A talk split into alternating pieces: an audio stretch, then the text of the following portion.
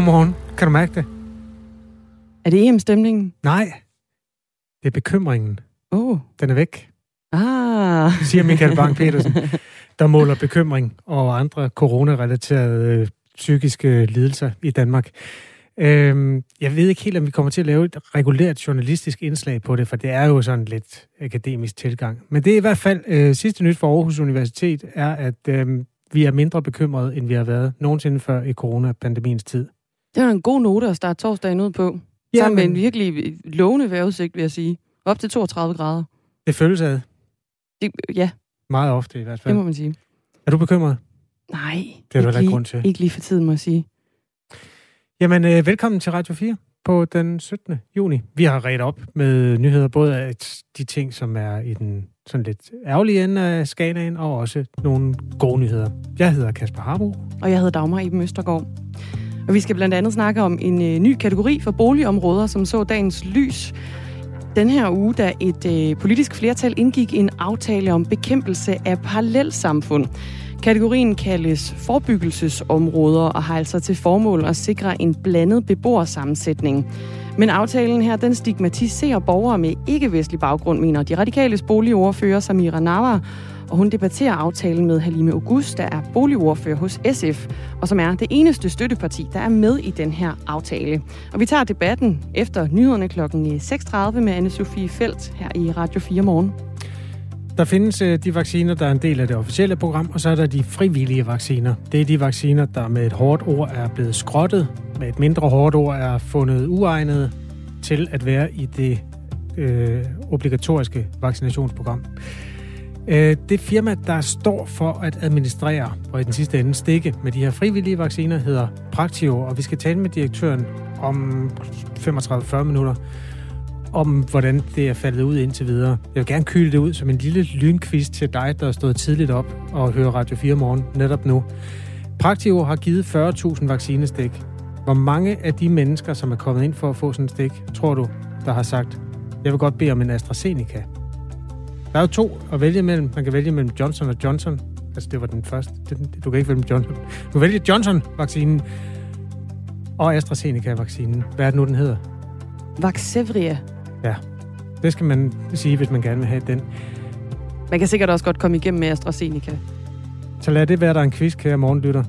Hvor mange ud af de 40.000 sagde, jeg napper en AstraZeneca? Den, der kommer tættest på, får en eller anden præmie, som jeg finder ud af i løbet af morgenen. Okay, hermed udlået. ja, interviewet udspiller sig om cirka 40 minutter.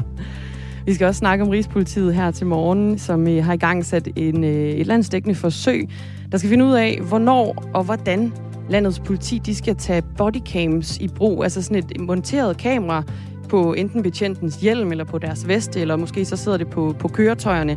Og det mener en juraprofessor altså kan øge masseovervågningen i samfundet, og ham skal vi høre fra i øh, næste time. Og så skal vi også lige vende fodbold det kan man næsten ikke komme omkring de her dage, fordi nu er der altså snart EM-kamp i København igen.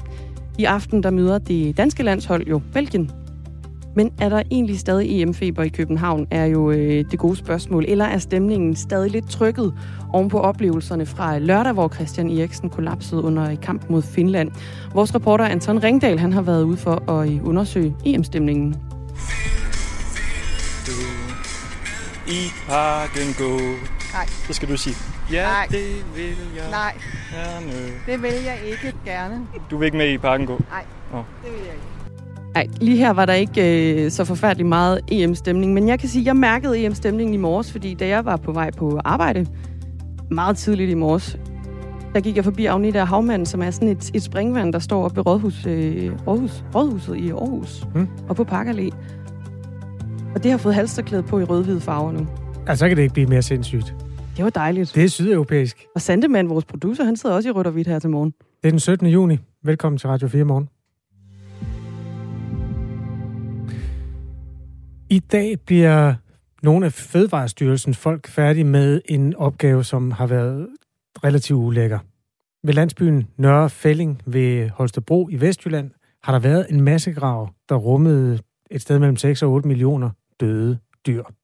Mink. Som blev lagt i jorden i al hast, dengang hvor minkavlen blev aflevet her i Danmark i november sidste år. Arbejdet med at grave minkene op har stået på i tre en halv uge. Øh, med, efter at man lavede en, en lille prøveopgravning tidligere i maj, som gik godt. Og så har man altså taget det, den store tur nu her. Kasper Klintø er Fødevarestyrelsens indsatschef for minkopgravningerne, og med os her på morgenkvisten. Godmorgen, Kasper Klintø. Godmorgen. Hvordan er det gået? Jamen, det er egentlig gået planmæssigt i Nørre Fælling. Øh, ud fra den plan, vi havde lagt på skrivebordet, viste sig også at holde i praksis, øh, så det er vældig positivt. og man kan sige, øh, hvad hedder det, det sidste læs er lige i går kørt med mink afsted til forbrændingsanlæggene fra Nørre Fælling. Øh, så i dag, der har vi selve omlægningsproceduren øh, fra det ene graveareal til det andet, øh, og vi er i fuld gang med at opgrave jorder. Der har været sådan en masse metaforer omkring, hvordan den type øh, døde dyr er at øh, have i hænderne. Øh, jeg hørte ordet feta. Det gik bare sådan sin sejrsgang igennem danske nyhedsmedier, at det var ligesom feta. Øh, der er dej og juice og sådan forskellige billedrige beskrivelser. Hvordan har det været for jeres medarbejdere? Altså, hvad er det, de har stået med i hænderne? Altså, når man står øh, på pladsen og ser minkmassen, der kommer op, så er den faktisk ret forskellig. Det er sådan, nogle områder, der er minkene, der ligner de faktisk nogen, der lige er lagt i jorden. Og i andre områder, der er de mere opløste, når man ser dem. Men som sådan, så hvad hedder det, kan man beskrive det som en minkdej, øh, fordi det er ligesom sådan, de er sammenhængende. Når, når hvad hedder det, gravkonen ligesom tager fat i dem, når den kommer ned til minkmassen, så holder de faktisk godt ved selve, hvad hedder det, skoven på gravkonen, og det er ikke sådan, at de, hvad hedder det, er svære at få fat i. Det er sådan en masse, man får fat i. Det minder sådan om en dej. Men nogle af stederne kan det godt minde om en, om en sådan ostemasse, der ligger omkring minkene. Øh, men, men mange af stederne, der ligger minkene simpelthen hele med pels og poter og haler osv. Tak for beskrivelsen. Jeg tror, vi går sådan lidt, zoomer lidt ud nu. Øh, nej, ved du hvad, i øvrigt, hvad med lugten? Det har jo været varmt de sidste dage. Ja, altså, hvad hedder det? Vi kan jo ikke udelukke, at der kommer lugt og støj i forbindelse med opgravningen af minkene. Øh, det er sådan, at vi ved fra Nørre Fælling, at der er forskel på lugten ud fra minkenes konsistens. Øh, det er sådan, jo mere flydende massen er, jo mere lugter den også, når vi åbner den. Og det kan også godt være, at de dage, hvor vi har haft varme, at lugten har været lidt, øh, lidt skarpere end ellers. Som sådan har lugten holdt sig inden for gravområdet. Vi har haft nogle enkelte dage, hvor den har snedet sig lidt ud fra hegnet og snedet sig op mod, øh, mod øh, vejen øh, fra gravområdet. Øh, men vi gør, hvad vi kan for at begrænse lugtgenerne, og det kommer vi også til at gøre i karpen, når vi går i gang i morgen tidlig. Mm. Den kan vi vende os mod lige om lidt. Øh, Karup ligger i det midtjyske, og der er altså en landsby, eller den ene halvdel af byen, kan man sige. Den ene ende af byen hedder Kølvor, og der ligger en anden af de store massegrave. Vi taler med Kasper Klintø, som er Fødevarestyrelsens indsatschef for opgravningerne af de mink, som blev lagt i jorden i al hast, efter de var blevet nedslagtet. Øh, alle 20 millioner danske mink. Nedgravningen af minkene har kostet, nu kommer der lige nogle tal, 55 millioner. Det at grave dem op igen øh, anslås, ja, at få dem brændt, øh, anslås at komme til at ligge omkring 72,2 millioner. Men altså, Fødevarestyrelsen har faktisk afsat 150 millioner kroner til den opgave. Kasper Klindø, hvad har danskerne fået for de penge, og har I overholdt budgettet? Øh, ja, det går planmæssigt ud fra budgetdelen øh, indtil videre. Altså det vi jo gør, og det vi, og der er vores opgave nu, det er en politisk bestemt opgave, der kom tilbage i december, det er, at minkene de skal graves op. Øh, og vi har så ventet et halvt år på, at minken ikke er corona-smittet mere. Det vil sige, at coronavirus nede i minken er død. Og derfor kan vi gå i gang med at tage dem op nu, fordi der er gået et halvt år. Og så har vi som mål, at vi skal have taget dem op inden midten af juli. Det er det, der er den konkrete, det er det, der er den praktiske opgave, vi skal løse nu. Og det er det gået planmæssigt med, øh, så det regner vi bestemt med at kunne levere på. Fredag ved daggry. Det må så være i dag, i virkeligheden ved daggry, begynder opgravningsarbejdet med de rest... Nej, i morgen selvfølgelig. Det er jo... Ja. Ja, jeg håbede lige det, men det er ja. i morgen. Uh, der begynder opgravningsarbejdet ved de resterende mink-massegrave, som ligger i ja, på Karup, egen ved det, der hedder Kølvor. 7.000 tons mink skal op af jorden. 7.000 tons, det svarer til et eller andet sted mellem 3 og 4 millioner individer. Det er lige op til en weekend, der byder på hedebølge i Danmark. Det bliver op til 32 grader. Altså, hvad betyder det for de mennesker, der skal grave døde mink op i Kølvor? Øhm, som sådan, så hvad hedder det, har vi også haft varme dage når Fælling. Altså, så vi er vant til at arbejde hvad hedder det, på varierende temperaturer. Vi har også arbejdet i regnvejr. Øh, men det er rigtigt, hvis det bliver en varm øh, sammenhængende periode, vi har nu her, øh, så kan det, hvad hedder det, blive øh, varmere, og det kan også godt, hvad hedder det, bevirke, at hvad hedder det, minkene, de, hvad hedder det, lugter lidt mere, når det, når det er varmt for os, der er der. Som sådan, når man står helt tæt på minkene, så har man, hvad hedder det, luftmaske på, frisk luftforsyning, når minkgraven åbnes, så der påvirkes man ikke sådan af lugten. Og vi åbner kun lige det stykke grav, der er plads til på en lastbil ad gangen. Det er ikke sådan, at vi åbner en helt gravrende eller et helt gravareal, når vi rykker ind. Det er kun lige det stykke grav, hvor der er mængder, der skal til en lastbil, øh, at vi åbner ad gangen. Så vi gør, hvad vi kan for at begrænse lugten. Jeg var i Kølvrå på det tidspunkt, hvor minkene blev gravet ned, og der var sådan en, en lugt af ja, af døde dyr, simpelthen. Og det var altså i virkeligheden på et tidspunkt, hvor der var væsentligt koldere, end der er nu. Hvad, hvad har man egentlig gjort for at preservere dem, sådan at de ikke bare ligger øh, som råt kød og fordærver? Altså mængden ligger jo nede i jorden, hvor der er en konstant lav øh, temperatur. Derudover så er de også indkapslet i kalk. Øh, så de ligger jo bag en kalkkappe, når vi åbner op til dem, og i bunden af dem, der er der også en øh, kalkkappe nede i gravene. Og, og hele den nedgravningsmetode har været med til, hvad hedder det, at forrådelsen ikke er gået øh, specielt hurtigt. Det svarer ikke til, at en mink har ligget op på overfladen af jorden. Den har ligget nede i den her kappe nede i jorden. Øh, og det er noget af forklaringen på, at vi finder dem som ja, nogle af minkene, som nogen, der ligner nogen, der lige er kommet i jorden. Sidste spørgsmål til dig, Kasper Klintø. Hvad gør I egentlig for at sikre, at de her områder og hele fagnagen altså, kommer tilbage til det, den var? Det har jo været der, hvor der var en del bekymring. Altså, vil man kunne risikere nogle nedsivninger af noget giftigt eller sådan noget? Hvad gør I for at sikre, at det ikke sker, nu hvor I får fjernet øh, kilden til forureningen? Ja, altså vores fornemme opgave er jo at fjerne så meget øh, minksaftsforurening øh, som overhovedet muligt, når vi er i gang med at fjerne minkene. Det er sådan, når vi har fjernet minkladet, så går vi i gang med afværge afgravning af jord, og vi fjerner faktisk øh, her i Nørrefælling, hvor vi er ved at være færdige med den del, der hvad hedder det, fjerner vi hvad hedder det, en meter jord under minkene, og vi fjerner en halv meter jord i siderne af randen. Og den jord, den øh, hvad hedder det, kører vi væk. Så når vi er fjernet den mængde jord, så tager vi faktisk prøver for at sikre, at vi har fået det hele med. Og hvis der kommer en lysesvar tilbage, hvad der gør løbende, og at der ligger ekstra ned i jorden, så tager vi ekstra jord med og bekræfter med analysesvar, at vi har fået det hele med. Så vi gør, hvad vi kan for at få med. Med hensyn til, hvad hedder det, floraen, der er den samme, så er det sådan, at den øverste topjord, den har vi opbevaret øh, ved siden af gravene. Øh, og den, øh, hvad hedder det, mængde mink, der er fjernet, det erstatter vi med rent grus. Og så er det den topjord, der kommer til at ligge øverst, der var der før. Og i den topjord er der jo en frøbank, der svarer til den øh, mængde frø og, far, og hvad hedder det, flora-vegetation, der var der i, øh, allerede inden vi gik i gang. Så på, på den måde skulle området gerne ligne sig selv igen, øh, når man går forbi, og vi er færdige. Tak skal du have, Kasper Klintø. Selv tak. Fødevarestyrelsens indsatschef for opgravninger af mink. Klokken den er 18 over 6. Gaden genåbner. Gaden åbner igen, hedder det. Nedlukningen og den lokale indsats i Aalborg har virket. Jomfru Anegade kan derfor åbne igen i morgen, 17. juni. Det er altså i dag. Godt klaret Aalborg.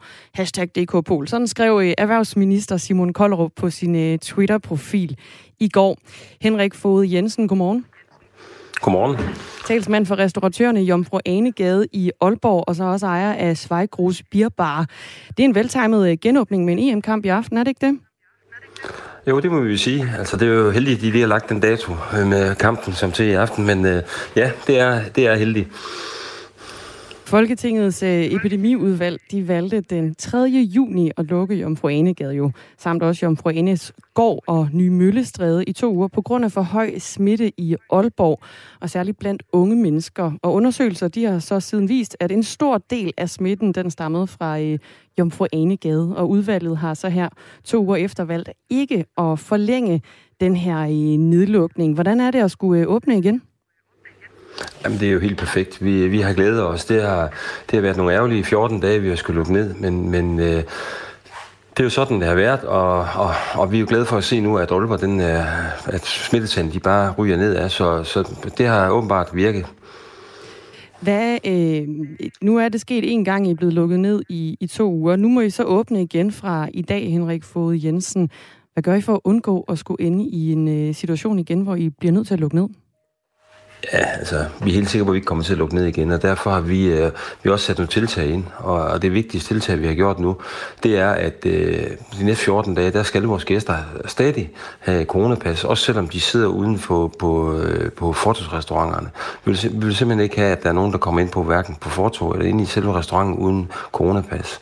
Dog er det først fra klokken 18 hver dag, øh, fordi vi, vi kunne godt forestille os, at der kommer nogle turister, øh, som, som ikke lige kender de her regler, og vi kan også godt forestille os, at øh, vores fortog de måske ikke sådan helt bliver fyldt op på det tidspunkt. Så ind, indtil kl. 18.00, der kan man godt sidde på fortogsrestauranterne uden coronapas, men derefter så skal man altså have det, og det skal man selvfølgelig også ind i forretningen, som, som alle mulige andre restriktioner.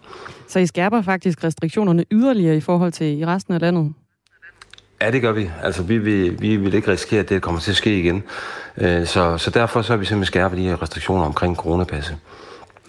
Og som jeg nævnte, så øh, står vi altså midt i et, et EM, og der er en kamp i aften. Nye studerende, de bliver jo også udklækket de her dage, og vejret det er godt. Altså bare, de må også øh, holde åbent længere af, af nogle af de nye lempelser, der er kommet her på det seneste, og altså skænke øl ud i længere tid. Frygter du slet ikke for en ny smittespredning på øh, Jomfru Anegade? Nej, det gør jeg faktisk ikke. Altså Jomfanegade, jeg tror heller ikke, at Jomfanegade har været øh, øh, specielt øh, den gade, der er smitte. Jeg, jeg tror, at øh, det er sådan, at Jomfanegade er det, øh, hvad, centrum for, for natteliv eller for oplevelsesliv i Aalborg. Det, og, at man har set det halvdelen af dem, der har været smittet øh, før, at de har været i Jomfanegade. Ja, det har de selvfølgelig. De alle har været i Jomfanegade mere eller mindre. Men det, jeg tror ikke på, det er Jomfanegade alene, der smitter. Så jeg, jeg, jeg frygter ikke det her i aften. Altså, vi er ikke, vi er ikke mere... Øh, hvad skal man sige, vi er ikke mere belagt, end, end resten af byen er. Øh, så det bliver ikke om Fanegade specielt, der kommer til at være, være skyldig, hvis der kommer smittestigning. Henrik Fod Jensen, jeg ønsker dig i hvert fald øh, god genåbning i aften. Tak skal du have, og god dag. God dag. Talsmand tak. for øh, restauratørerne i Omfru Enegade i Aalborg, så også ejeren af Schweiggrus Bierbar. Og Nordjylland er jo øh, så at sige, førende på listen over kommuner, hvor der er mest flest øh, positive test. Aalborg ligger pt. på en anden plads, men det er lave tal i øjeblikket. Så på den måde har han noget at have sin optimisme i. Som øh, Henrik Fod Jensen var inde på, og du også var, Dagmar, så skal Danmarks fodboldlandshold jo ud og spille fodbold. Det er der mange, der glæder sig mm. til. I aften er det mod Belgien. Og øh, København er værtsby. Derfor har vi også sendt vores reporter Anton Ringdal, som er utrolig lidt optaget af fodbold, ud for at tage temperaturen på EM-værtsbyen. Uh, EM-feberen kan du høre beskrevet i de følgende syv minutter. Det er der sikkert nok, men øh, jeg er Rasmus modsat af det. Hvad vil det sige? Jeg hader fodbold og sådan noget.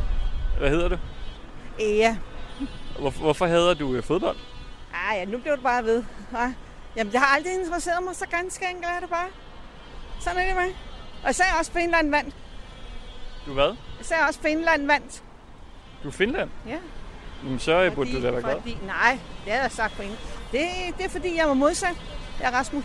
Jeg hader det, jeg ser det ikke. Så du hader det bare? Ja, ja. Ej. Så du, øh, du går ikke rundt og suger til dig, når du går rundt hernede i byen? Nej, det kan jeg love dig, jeg ikke gør. Det gør jeg ikke. Ja. Må jeg prøve, må jeg prøve noget for at få dig i EM-humør? Det kommer du ikke til. Må jeg prøve? Nej, det gør du ikke. Prøv lige, prøv at høre. Jeg har sat det døve øre til. Skal du lytte her?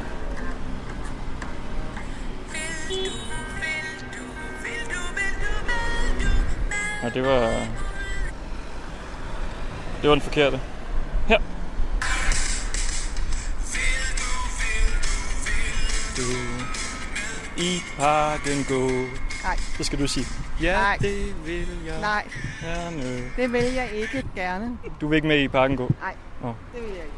Nå, Jamen, Du må øh, finde et andet offer. god dag. Det er. Hej. Jeg øh, går rundt her inde i Københavns centrum. Den store øh, EM-værtsby. Og jeg må sige, altså det er ikke fordi det sådan vælter med Dannebrugs flag og landsholdstrøjer. Det er som om EM-feberen den ligesom har, har lagt sig lidt oven på den øh, triste episode med Christian Eriksen.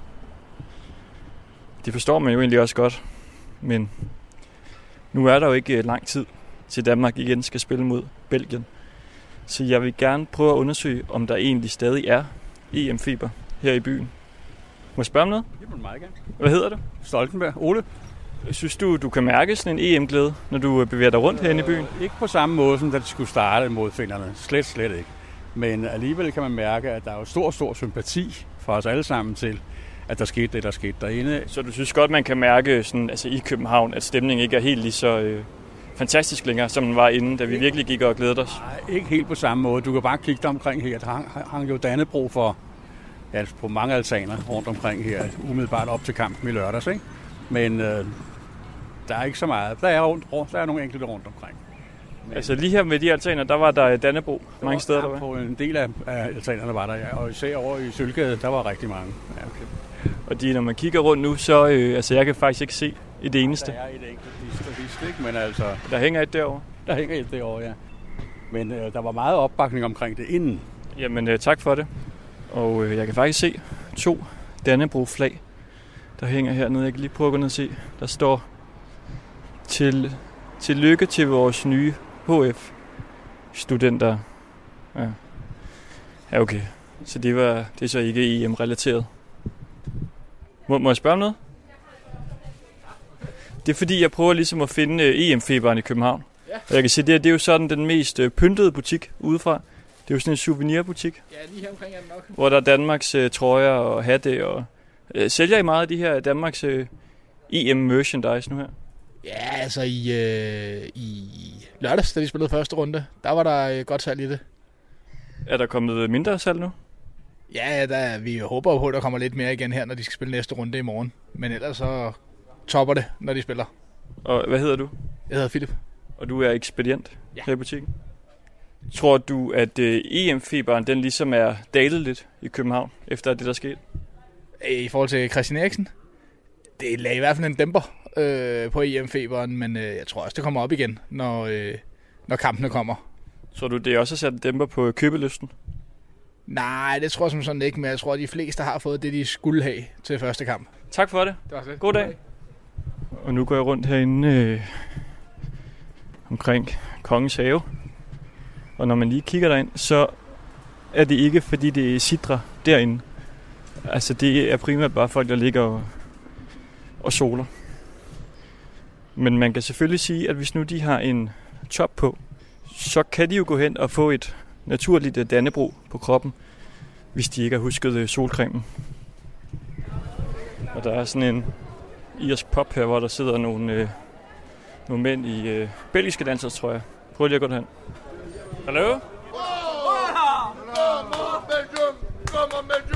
I, I'm a journalist. Can I ask you something? Are you a Belgian fans?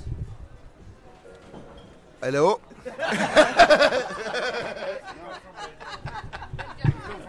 you come from Belgium? Okay.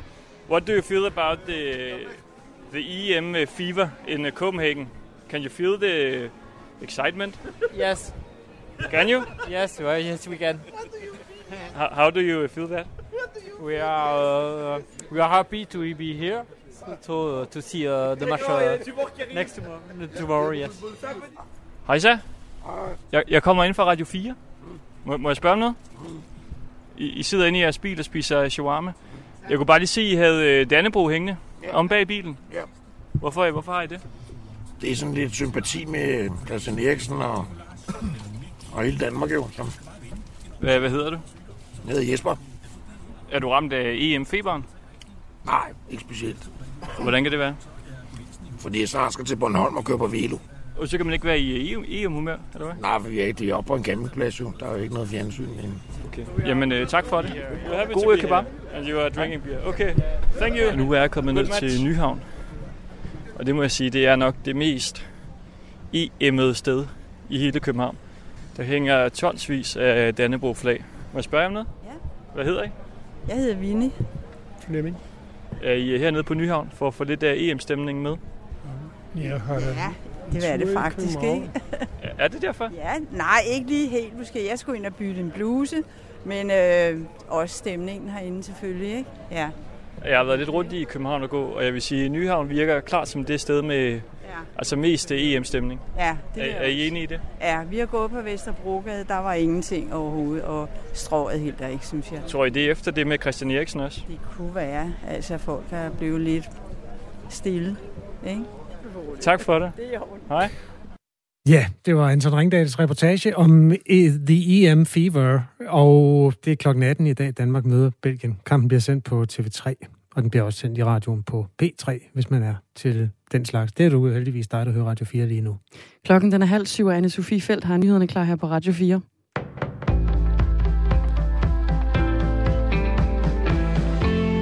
Forsøg med kropskameraer på politibetjente kan øge masseovervågningen, det siger juraprofessor på Syddansk Universitet, Sten Schamburg Møller, til Radio 4 morgen. Rigspolitiet har i denne måned begyndt et seks måneder langt landsdækkende forsøg med brug af det såkaldte bodycam, altså et kamera, der er monteret på betjentes hjelme, veste eller køretøjer. Ledende politiinspektør hos Københavns Politi, Gert Seibach, siger til Radio 4 morgen. Formålet med forsøget det er at dels at afprøve en øh, ny ramme, der er national ramme, der er lagt for, hvordan øh, øh, dansk politi bruger kamera, og også at finde ud af, hvordan og hvorledes øh, selve læringsdelen, altså hvordan skal vi arbejde med det materiale, vi kommer ind med, øh, og hvilke legalitetshensyn øh, der er i forhold til det materiale, vi kommer ind med. Men kropskameraerne fører også til mere overvågning, vurderer juraprofessor Sten Schaumburg Møller. Politiets kameraer vil være tændte hele tiden til forskel for, hvis civile optog bider til for eksempel en demonstration. Så man vil blive overvåget konstant under en begivenhed, hvor politiet kommer til at filme, siger han til Radio 4 morgen. I dag er det 25 år siden, at revselsesretten blev ophævet, men hvert femte, når undskyld, hvert 8. barn bliver stadig rusket, dasket, slået eller smækket af sine forældre. Det viser en undersøgelse fra VIVE, det Nationale Forsknings- og Analysecenter for Velfærd. Per Schultz Jørgensen er psykolog og professor emeritus i socialpsykologi. Som daværende næstformand i Børnerådet var han en af de stærkeste fortalere for, at det skulle være forbudt for forældre at bruge vold i opdragelsen. Går vi øh, 20 år tilbage, så kan vi se, at, at der ligger andelen på, på nogenlunde samme niveau. Så desværre må vi sige, at der er en gruppe forældre her, som vi ikke har nået med det vigtige budskab, at, at revselse, fysisk revselse er forbudt i Danmark.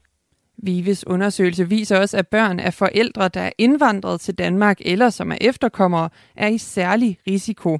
I de familier har flere end hvert tredje barn oplevet en eller anden grad af fysisk straf. Per Schultz Jørgensen siger, at den gruppe på nogle punkter lever i en kulturel boble. Moren er måske slet ikke på arbejdsmarkedet, og de tager måske slet ikke del i institutionernes liv. De er ikke dybt integreret i kulturen på det her område, og får ikke meldinger tilbage om, hvordan man opdrager sine børn, siger han. Vives undersøgelse er foretaget som en spørgeskemaundersøgelse blandt forældre til godt 50.000 børn mellem 9 måneder og 3 år. Med et overvældende flertal har repræsentanternes hus i USA i går godkendt et lovforslag om at gøre den 19. juni til en ny national helligdag for at markere befrielsen af millioner af sorte slaver i USA. Det sker dagen efter, at kongressens andet kammer, senatet, enstemmigt godkendte forslaget. Dermed mangler forslaget blot en underskrift fra præsident Joe Biden for at stå ved magt. Tidligere leder for de radikale, Morten Østergaard, vil udtræde af Folketinget med omgående virkning for at tiltræde et job som klimarådgiver i en privat virksomhed om halvanden måned. Det oplyser han i et opslag på Facebook.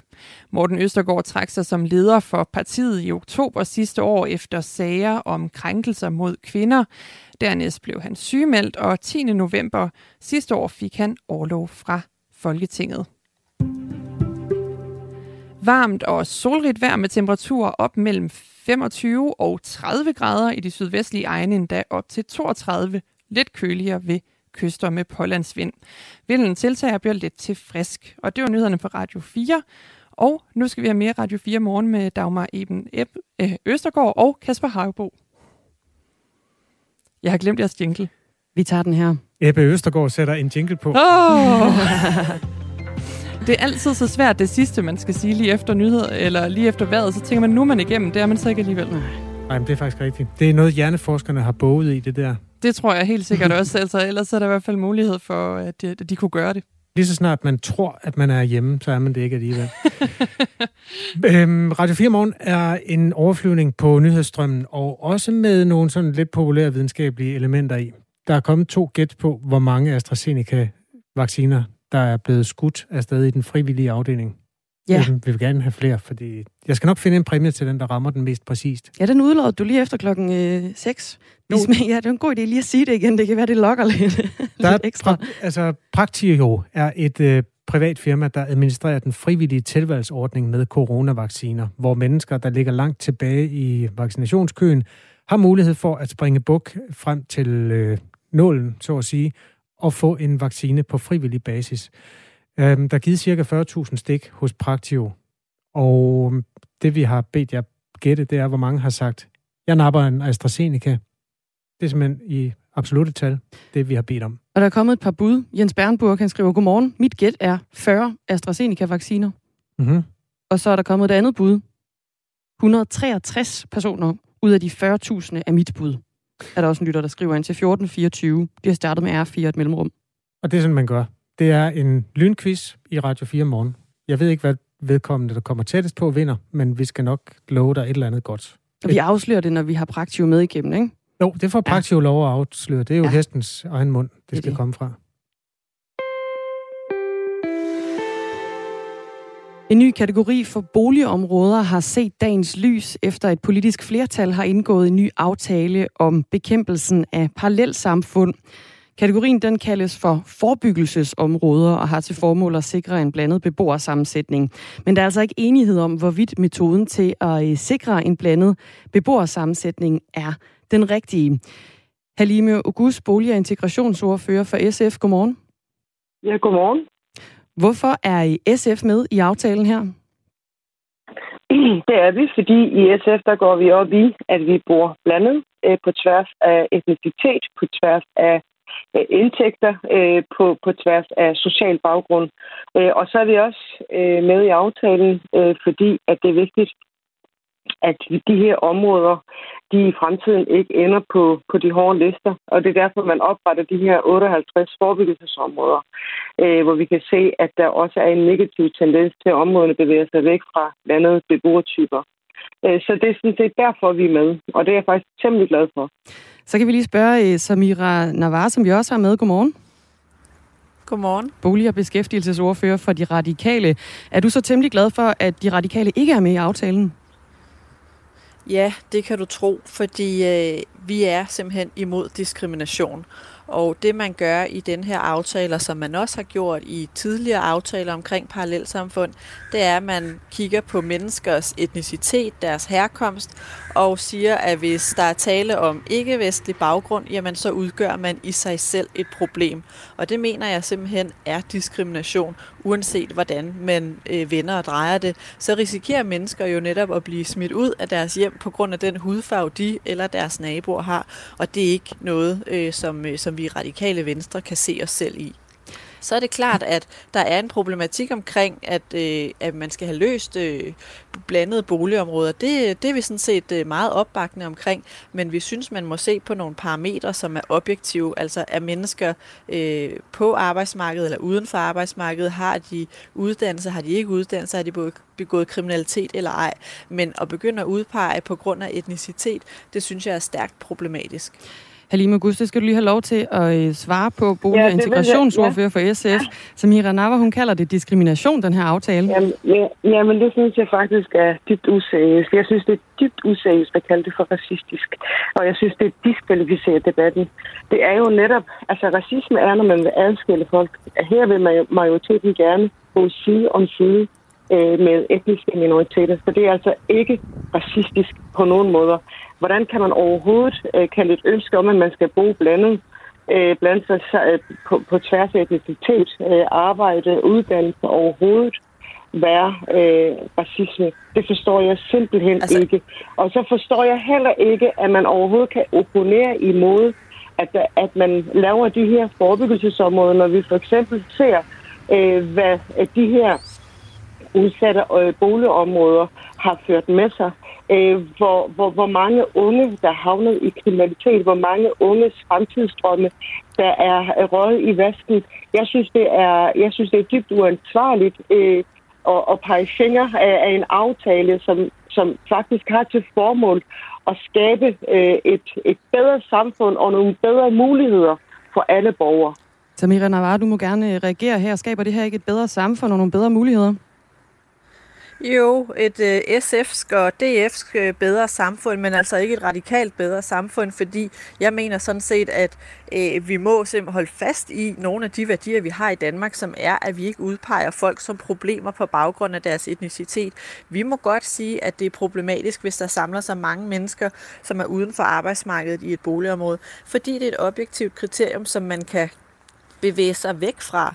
Øh, og, og, og det mener jeg simpelthen, at vi, er, at vi er nødt til at holde fast i. Og det, der sker med den nye aftale, det er jo, at man i stedet for at fejre, at antallet af boligområder på to år, eller ansat, antallet af ghettoer på to år, er halveret, så går man ind og tilføjer 58 yderligere områder og udpeger dem som problematiske. Og samlet set, så gør man altså øh, halvdelen af hele Danmarks øh, almene boliger til problemområder, og, og dermed jo også deres øh, beboere. Og hvis man tror, man er i gang med at løse et problem, så kan man jo bare gå ud i boligområderne og spørge dem, der bor der. Øh, og de er, øh, når jeg taler med dem, i hvert fald ikke særlig tilfredse. Der var jo også et borgerforslag for nylig, som havde opnået langt over 50.000 underskrifter, som vi behandlede i Folketinget, omkring netop det her med at få afskaffet ghetto-listerne. Øh, så, så, så det er altså ikke rigtigt, at der bare er øh, fuld opbakning derude til det. Der er nogle mennesker, der sidder i boligområderne, for eksempel skal søge ind på deres uddannelse eller ind på arbejdsmarkedet, og synes, det er enormt stigmatiserende, at når de skriver deres adresse på, så er det stemplet og, og brændemærket på forhånd. Jeg tager lige en omgang øh, fakta på det her, den her nye aftale, ja, som altså tak, handler det, om... Det er faktisk ikke rigtigt, det, der, øh, det som Samira siger, øh, så det må du gerne komme ud med. Ja, tak. Nu er jeg spændt på at se, hvad det er for noget øh, fakta, du øh, henviser til, der ikke er rigtigt. Jeg læser lige noget op her i hvert fald. Den nye aftale mm. om bekæmpelse af parallelsamfund er indgået mellem regeringen, SF og så de blå partier. Det tæller Venstre, Liberal Alliance, Dansk Folkeparti og Konservative. Og den øh, er der i, i den her aftale, der er der oprettet en ny kategori for boligområder med behov for en forebyggende indsats. Det omfatter almene boligområder med mindst 1000 personer, hvor andelen af indvandrere og efterkommere fra ikke-vestlige lande, de overstiger 30 procent. Og dertil så kommer også en række kriterier, som blandt andet går på tilknytning til arbejdsmarkedet, kriminalitet, bruttoindkomst og uddannelse. Og der er 58 almene boligområder, som altså opfylder øh, de her kriterier. Halima Gus, var det øh, rigtig fakta? Det er rigtigt. Det er rigtigt, det du øh, læste op. Det, det der bare er øh, forskellen på de her øh, boligområder og de hårde ghetto-lister, det er, at det, er, det her det handler alene om kommunernes øh, anvises øh, øh, ret. Det vil sige, at øh, kommunerne, der ikke må anvise øh, for eksempel øh, folk, der er uden for arbejde, der har været uden for arbejdsmarkedet øh, måske i mere end to år, det, og det er integrationsydelsen. Uddannelsesydelsen, den har vi fjernet. Øh, førtidspension, den har vi fjernet. Øh, SU, den har vi fjernet. Så det er kun folk, der har været på en øh, på kontanthjælp i to sammenhængende år, kommunerne ikke må anvise til. Men en borger, en almindelig borger, og det er uanset baggrund, og det er uanset indtægt, kan jo sagtens skrive sig op øh, til en lejlighed i de her områder. Det er der ikke nogen, der tjekker. Det her, det er en målsætning om, at det er sådan, de her områder skal være i fremtiden. Så der, det er ikke fordi, at det har nogle konsekvenser. Det er ikke fordi, at man øh, vil smide nogle mennesker ud. Man vil bare, altså ved almindelig til- og fraflytning, der vil man øh, prøve at øh, om at opnå den her målsætning. Så det, de ting, som Samira siger, at hun både kritiserer ved gældsaftalen, som hun også gerne vil have, at vi skal glæde os over, det synes jeg øh, er lidt øh, selvmodsigende.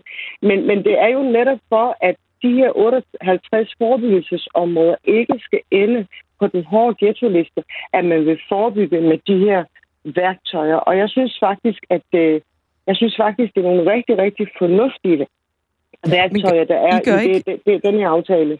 Hun siger jo også, at der bliver gjort øh, problemområder ud af nogle områder, som måske ikke nødvendigvis bør være. Det gør I ikke unødigt mange områder til problemområder pludselig med den her aftale, Halime August? Nej, det er faktisk for at undgå, at området i fremtiden ender på de her hårde øh, lister. Det er derfor, man opretter de her 58 forebyggelsesområder, hvor vi kan se, at der er øh, en negativ tendens til, at områderne bevæger sig væk fra blandede beboertyper. Øh, og, og, det, og det er sådan set det. Altså, det, det hele det forebyggende. Det er ikke sådan, at man går ind øh, som man gjorde med øh, ghetto-listerne.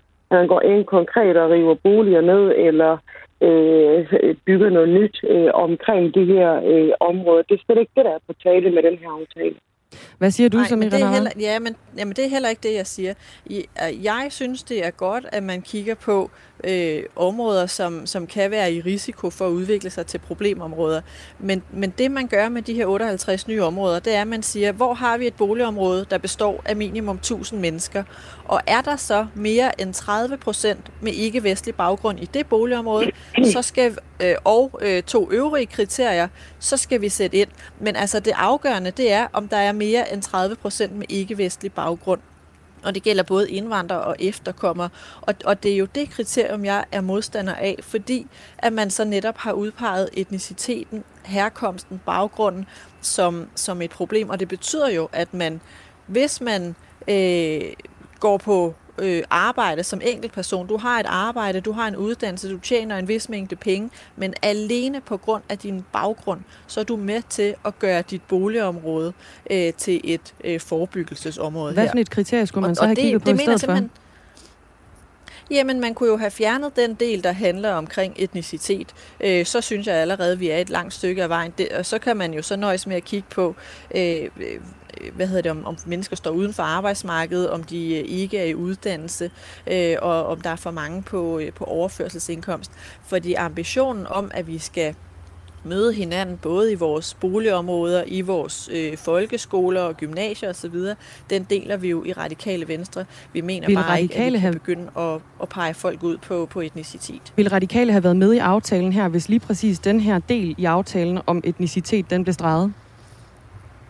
Ja, så er vi i hvert fald et, øh, et rigtig langt stykke af vejen. Øh, der kunne godt være, at der også kunne have været nogle andre justeringer, men lige præcis det er et, øh, et springende punkt for os helt bestemt. Halime Gus, kunne man have øh, løst den her aftale uden øh, at blande etnicitet ind i det, altså den her 30% øh, regel, kan man sige? Nej. Hvorfor Nej, ikke det det? synes jeg ikke. Nej, det synes jeg ikke, fordi når vi for eksempel kigger på de her meget, meget udsatte boligområder, så er der jo en rigtig, rigtig høj andel øh, af etnicitet. Og det betyder jo, at de børn, der vokser op der, faktisk ikke rigtig har noget at øh, se op til eller integrere sig i. Altså, det er jo et faktum. Det er jo et faktum, at mange af de her forældre, som er øh, øh, flyttet til Danmark øh, som flygt, Halime August, jeg tror, vi tabte dig. Halime? Der er simpelthen ikke hul igennem. Forbindelsen, den røg. Samira Nava, vi øh, afslutter her. Har du en afsluttende kommentar? Jeg synes bare, det er rigtig ærgerligt, at man øh, fra regeringens side og øh, SF og de andre partiers side jo har valgt at pege på, på nogle problemer, på en eller anden måde noget symbolpolitisk, i stedet for faktisk at, at glæde sig over, at der er nogle boligområder, som, som ikke længere øh, optræder på de her lister. Så, så det er en, en gang symbolpolitik, øh, hvor man prøver at gøre nogle problemer større, end de er. Vi siger uh, tusind tak til Samira Nava, bolig- og beskæftigelsesordfører for De Radikale. Og så også tak til uh, Halime August, som er bolig- og integrationsordfører for, for SF, som desværre tabte en forbindelse herind til. Det er vi ked af. Tusind tak, fordi I var med. Klokken den er 12 minutter i syv.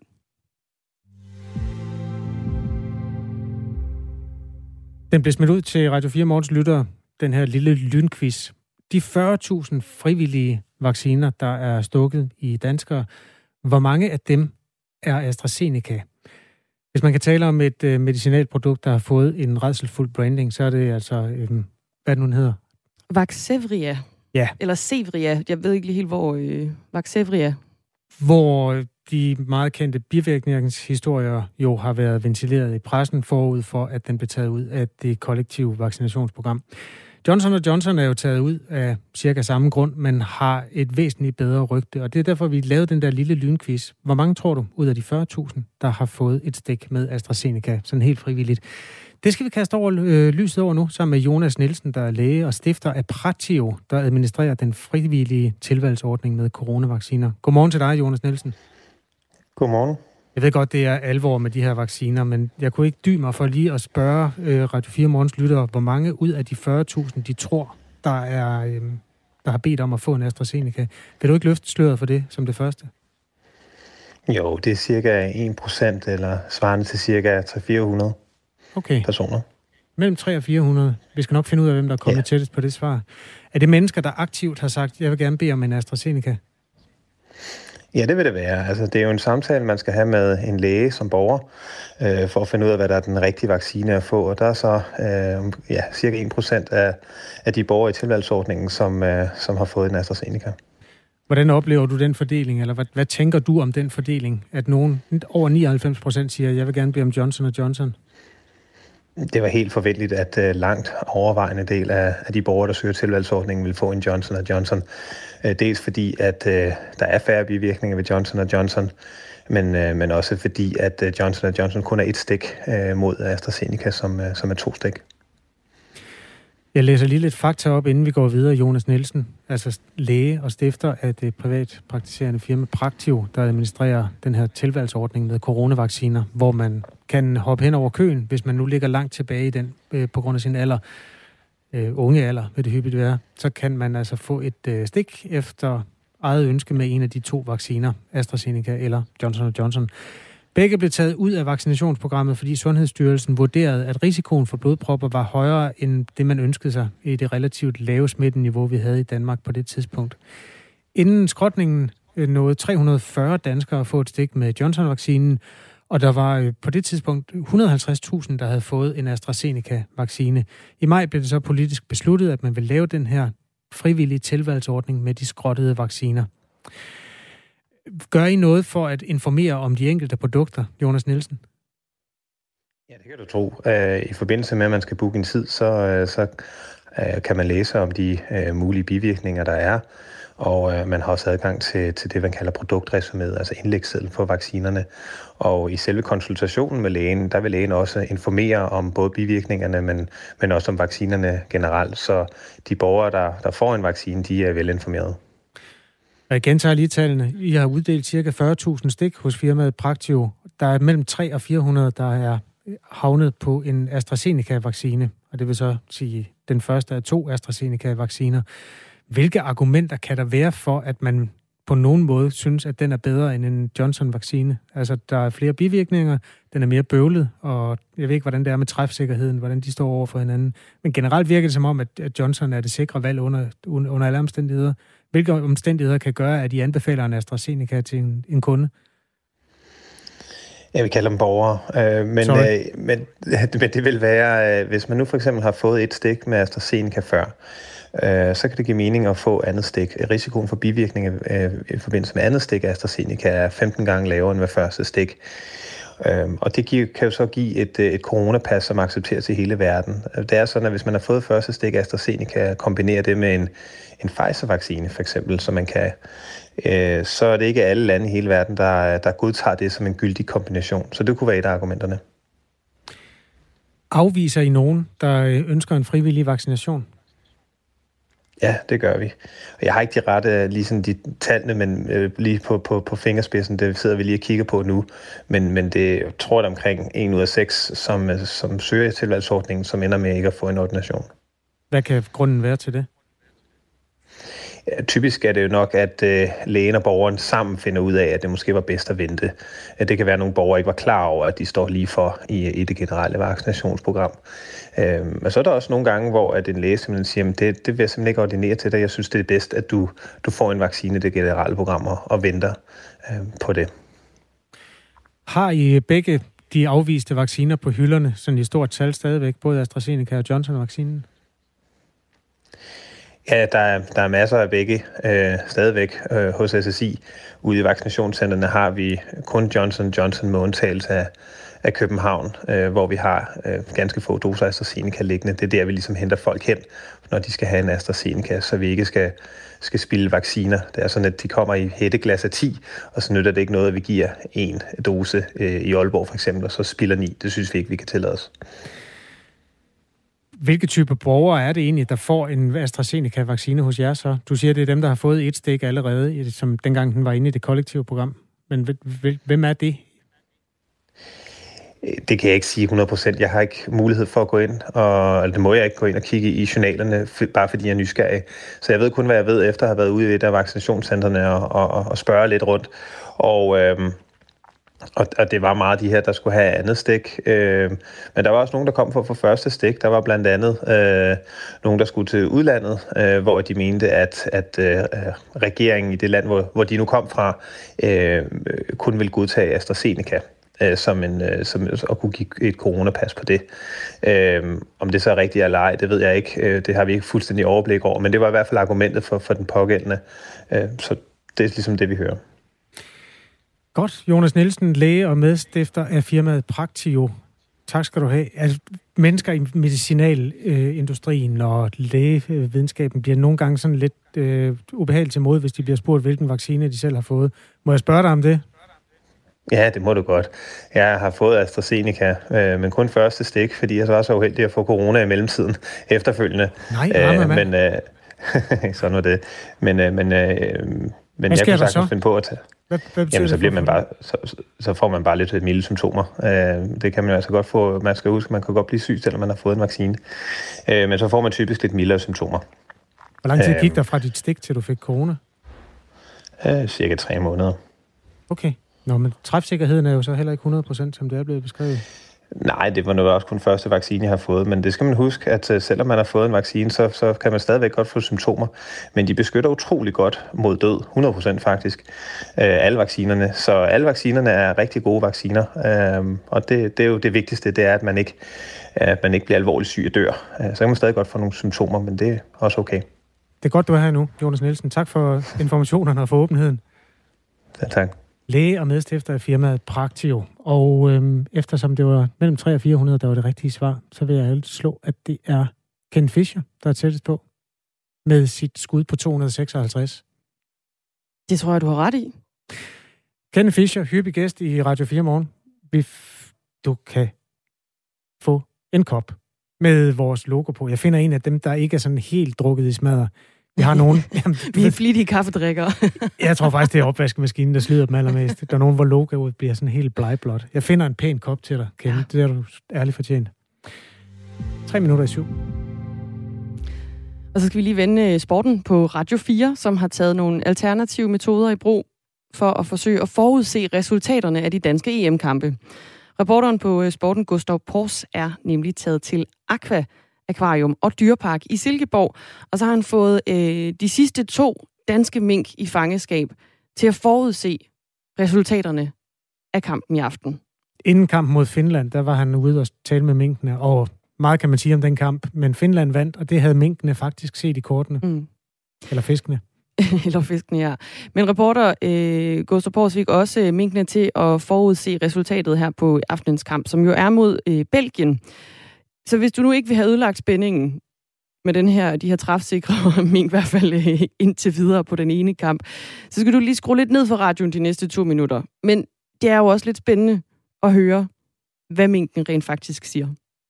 Vi er klar til at få afgjort den, øh, den anden gruppespilskamp i Danmarks pulje. Det er Danmark, der møder Belgien, og det er, øh, som det plejer at være her på Radio 4, med vores to hus øh, mink her fra øh, Aqua Aquarium og Dyrepark i Silkeborg. Morten Wissing, zoolog, han står derinde. Han, hvad, er der, hvad er der på menuen, Morten? Jamen, i dag der skal vi have mus. Det er mus, der er på menuen i dag. Og jeg tænker, Morten, du må gerne placere tallerkenerne. Jeg placerer. Og så ved jeg ikke, om vi kan finde mængden. De løber over bærst i anlægget lige i øjeblikket. Det er bare et spørgsmål om tid, før at de får øje på musene. Det er ikke fordi, at vores to mink de er særlig glade for de mus, der ligger på tallerkenen i øjeblikket. Lige fløjt efter, der kommer handen der. Uh, der kommer handen. Vi kan se, om han løber, han løber op på højen. Der bliver, der bliver fløjtet efter ham. Han, han, kommer hen, han kommer hen til tallerkenerne. Han snuser til den danske. Ja, ja, ja. Den, han, minken, han tager den danske mus. Ja, sådan. Og forsvinder ind i brændelderne. Gemmer musen til en anden god gang måske, og så går han over i den belgiske mus og tager også den belgiske mus. Jeg ved ikke, hvor vores øh, anden mink er henne, men som jeg lige forstår det, det resultat, vi ser her, jamen så er det, så er det altså en klar, klar dansk sejr. nu kommer hundminken, og der er altså ikke mere at finde på. Der er ikke flere mus tilbage. Jeg tror, vi må konkludere, at det bliver en dansk sejr over Belgien. Og så er øh, spændingen intakt inden den sidste gruppekamp mod Rusland. Men hvis der skal være mulighed for uafgjort, så er der vel... Det, hvordan? Det må vi tale med Gustav om. De tog den danske mus først. Danmark taber i hvert fald ikke. Nej, så langt så godt. Det bliver spillet klokken 18, men det er jo så ikke så interessant nu. Klokken den er syv.